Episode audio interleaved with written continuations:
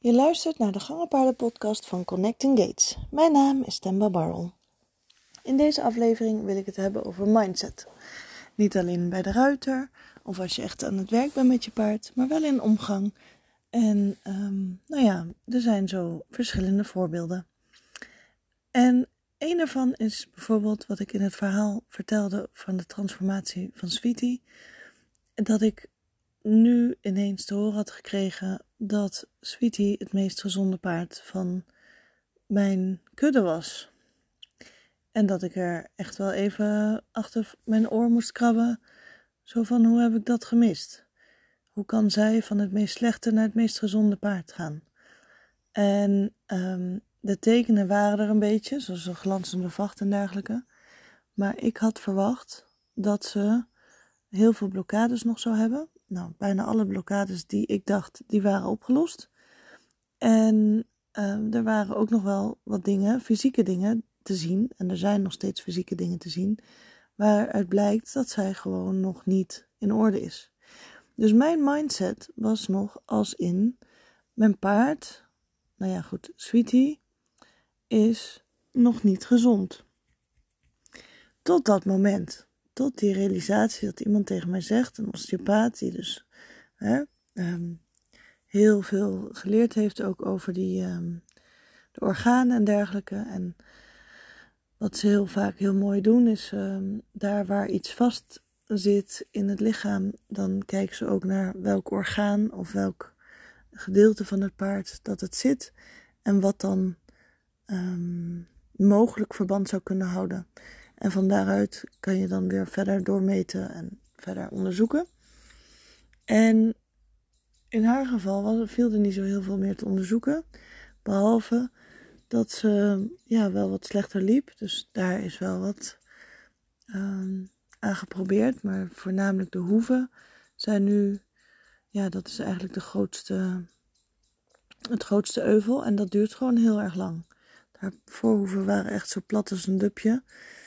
En uh, inmiddels staat ze echt al wel hoger en beter op haar voeten, maar het is het nog niet.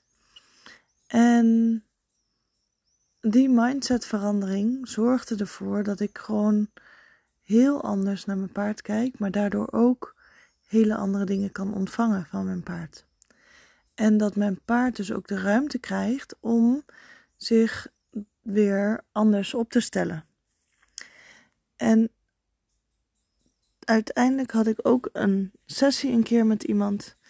En die gaf aan dat, uh, dat er heel veel gebeurd was met haar paard. Nog voordat dat het paard van haar was.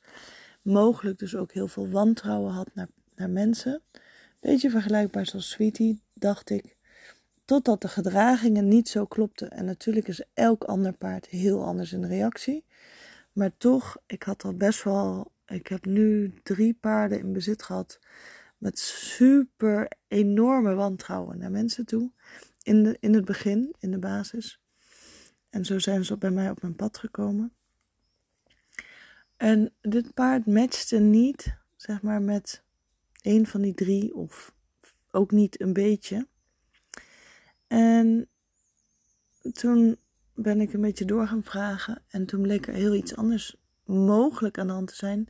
Dat is iets wat zij nu uit te zoeken heeft. Um, met haar paard en met verschillende uh, artsen. Um, maar toen bleek dat zij de rol niet van voorzichtig, maar van ondersteunend mocht aannemen. En toen is alles als een blad binnen uh, 10 minuten veranderd.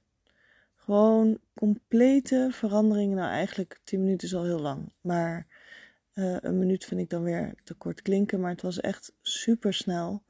Dat haar paard ook in één keer vol vertrouwen de bak doorliep. Omdat zij bepaalde randzaken had veranderd en verbeterd voor haar paard. En daar kon haar paard in vertrouwen en dat merkte het paard direct. Waardoor dus de mindset van het paard veranderde, maar eigenlijk door de mindset van de ruiter. En ik heb ook al in andere afleveringen het gehad over dat mensen onzeker gemaakt zijn hè, door uh, niet de juiste uh, mensen die gangenpaarden kennen.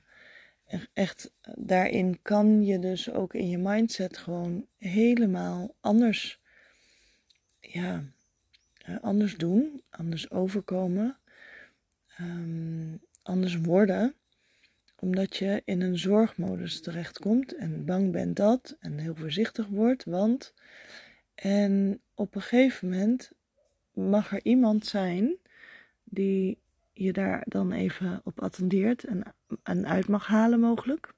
Dit soort dingen is heel moeilijk om dat zelf te zien. Meestal gaat het om blinde vlekken.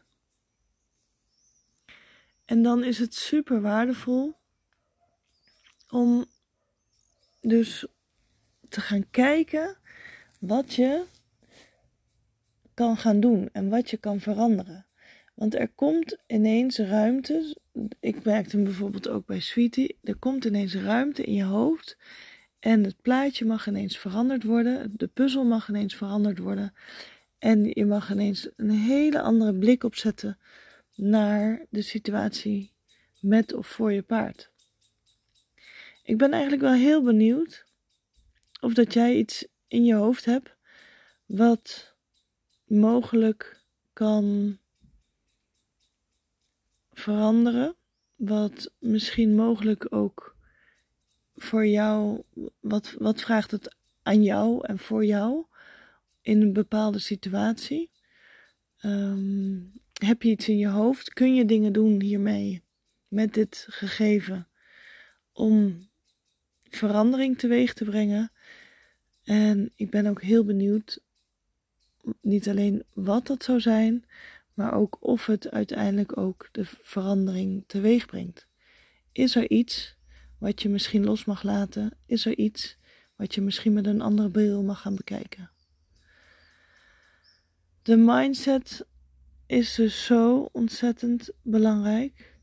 En um, ik gun iedereen om los te komen van bepaalde zorgen of van bepaalde onzekerheden en weer terug te stappen in vertrouwen, in vertrouwen in jezelf, in vertrouwen in je paard, op het moment dat iets een keer niet helemaal lekker loopt zoals dat je hoopt.